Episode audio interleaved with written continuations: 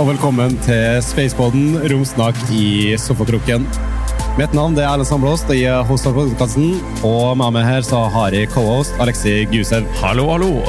Og nå står vi her live på Spaceport Norway i Oslo på Deichmans bibliotek.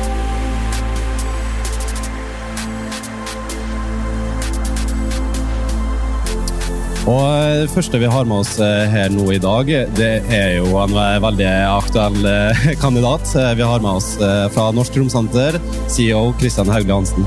Hallo, hallo. Veldig hyggelig å ha deg her, som alltid. Kristian. Hyggelig å være her igjen. Vi har jo hatt det tidligere på en full episode, men nå kommer vi til å kjøre en kortere episode. og Du har vært her på Spaceport og presentert for Norsk Romsenter. Og Temaet i år det er jo To be bolder. Og Da kan vi jo starte med det. Hvilken retning er det Norsk Romsenter har innenfor det å be bolder?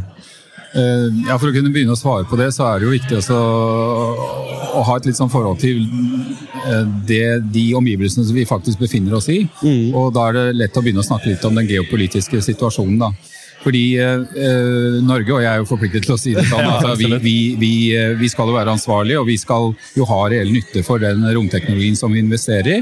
Og det er Romsenterets eh, oppgave å, å, å, prøve å guide eh, det og være en rådgiver for politikerne våre, samtidig som vi er bindeledd mot industrien og sånt. da. Eh, sånn at den, den, situasjonen som vi er konfrontert med nå, den er veldig sammensatt. ikke sant? Du har en, en begynnende finansiell krise med, med eh, stor inflasjon og, og, hyperinflasjon faktisk i noen land. Mm. Og, og, vi har uh, sikkerhetssituasjonen som, som, er skapt av den fæle krigen i Ukraina.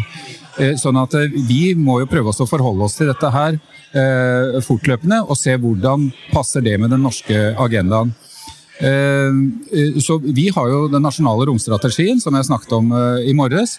Og, den er et ganske solid fundament. fordi den, den, den, den, er, ikke veldig komplisert, men den, identifiserer noen spesielle ting som vi må adressere. da. Vi skal ha eh, god industri, teknologiutvikling og, og, lønnsomme bedrifter. Og vi skal ha god samfunnsnytte. Og Så kommer disse elementene da som har med dette med å, å sikre den infrastrukturen som vi investerer i. fordi at eh, rominvestering er kostbare. Og så er det hvordan dette faktisk spiller inn på, på nasjonal eh, sikkerhet. For, og det er litt, Nå nevnte du litt sånn ambisjonene allerede, men føler du at de har endra seg veldig pga. den geopolitiske situasjonen, og sånt, eller er det fortsatt litt av de underliggende det vi har hatt før? Ja, det underliggende ligger der, men det er ingen tvil om at den geopolitiske situasjonen den forsterker den dreiningen som vi har sett, eh, nemlig det at eh, flere myndighets, i myndighetsapparatet blir oppmerksom på dette her. Av Forsvaret, eh, justis, Utenriksdepartementet osv. Så videre, sånn at vi jobber i et mer politisert klima nå. Ja, Enn det vi gjorde før? Og så nevnte du litt det om Vi går inn i en alder der det er mer privatisering av space og romfart. Eh, men eh, du satte fortsatt litt press på det, fordi det er jo eh, fortsatt veldig mye statlig støtte inni der. Og Hvordan føler du om det? Eh, jo, Det er en veldig viktig observasjon. og, og Det er jo ingen tvil at statlig finansiering er viktig, altså gjennom at vi deltar i ESA og EU. Og det kommer til å være viktigere framover. Men du får en dreining i kan du si, finansieringsmiks det snakket jeg litt om også på scenen i dag. Sånn mixed funding. Fordi eh, det er folk fra, fra, eh, investeringsselskaper til stede her i dag. Og det er det å prøve å finne ut hvordan kan de passe inn for dette for små oppstartsbedrifter som, som har en god idé, som har seed funding, hvordan de skal komme seg videre. Og så bidrar vi med våre nasjonale penger, altså nasjonale følgemidler og, og, og de pengene som vi har. Men vi må se hvordan eh, privatkapital kan, kan eh, virke inn på dette her. Og, og, da kommer du på hvem er det som egentlig er kunden? Ikke sant? Det blir et veldig relevant spørsmål. Eh, de forskjellige nasjonene har et behov. Government is lurking. ikke sant? Ja, ikke sant? Ja, ja. Jo, men det er faktisk sånn. Men, men, så er det da nedstrøms og de som skal utvikle tjenester. Vi har hatt noen fantastiske presentasjoner av oppstartsselskaper i dag. Absolutt, det blir en absolutt. veldig viktig ting framover. Og det er absolutt, Disse selskapene må også snakke mer om i en av de episodene videre. Men en ting som jeg tenkte på nå som du nevnte allerede, det med på en måte statlig støtte og sånn. Statsbudsjettet for 2023 har jo på en måte kommet, og man ser jo litt det at man har jo sett på å kutte de langsiktige norske forpliktelsene til de, ESA, de frivillige programmene, så vidt jeg forsto. Hvordan ser du på det? Er det begrenser det veldig det, det, det, vi kommer til å jobbe med, altså ESA-samarbeidet? Eh, ja, dette er en reell utfordring. Eh, Norge har vært medlem i, ESA siden 1987, og vi har en tradisjon for å være en pålitelig partner. Og jeg velger å tro at vi fortsatt vil være det. Men eh, det er nok en del som syns det er litt rart at Norge som eh, Vi har faktisk ganske mye penger, og vi har, eh, vi har jo en, en, regjering som ønsker å, å, drive teknologiutvikling og sikre eksport og sånn. Og, og, det er jo ingen tvil om at det er en fortsatt investering eh, i, i, i, romteknologi.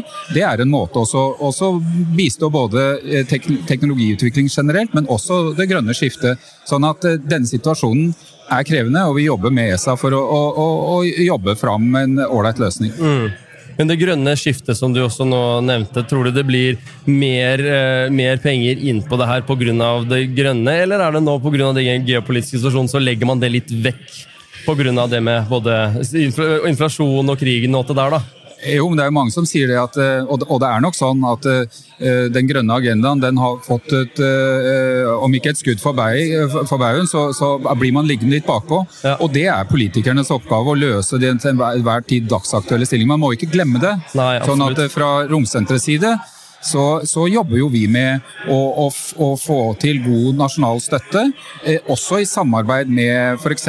Klima- og miljødepartementet. Eh, for å kunne drive det grønne skiftet framover. Og dette er veldig høyt på agendaen i EU også, og derfor så, så er vi jo med på Copernicus-programmet og alt det som følger med.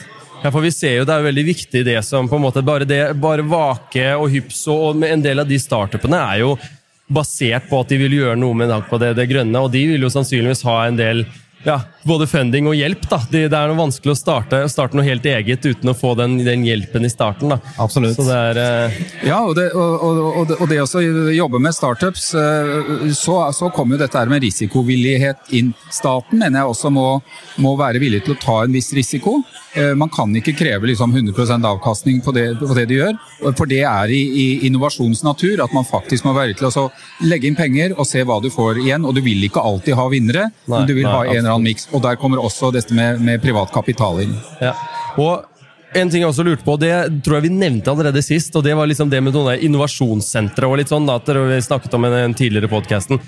Hvordan er det, er det, tenkt noe innovasjonssentre eller noe som kan skape liksom, eh, inkubatorer, for, sånn som man gjør i mange andre land, da, sånn USA, og der hvor det er litt litt mer veletablert der? da? Tenker man noe av den à type i Norge på sikt, eller er det? Ja, så vi, vi har jo allerede dette er eh, ESA BIC, altså Business Incubation Center. Yes. Eh, og Vaka har jo vært gjennom eh, den kverna. Og, og, flere andre.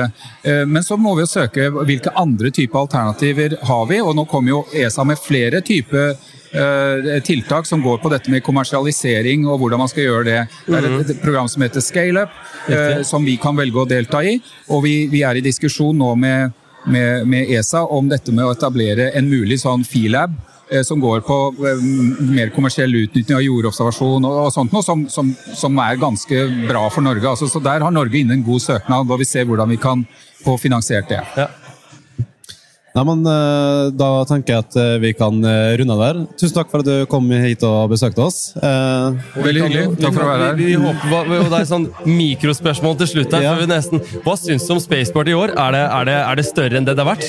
Ja, det... ja, men altså, Dette er jo kjempeorganisert. Det er mange deltakere. Det er utsolgt, og det er ikke ofte du har på en konferanse. Dette Nei. er helt kanonbra. Det, vi endte med det er 400, 412 ja. var det siste tallet som ble sagt i dag tidlig. Ja da, Kjempearrangement.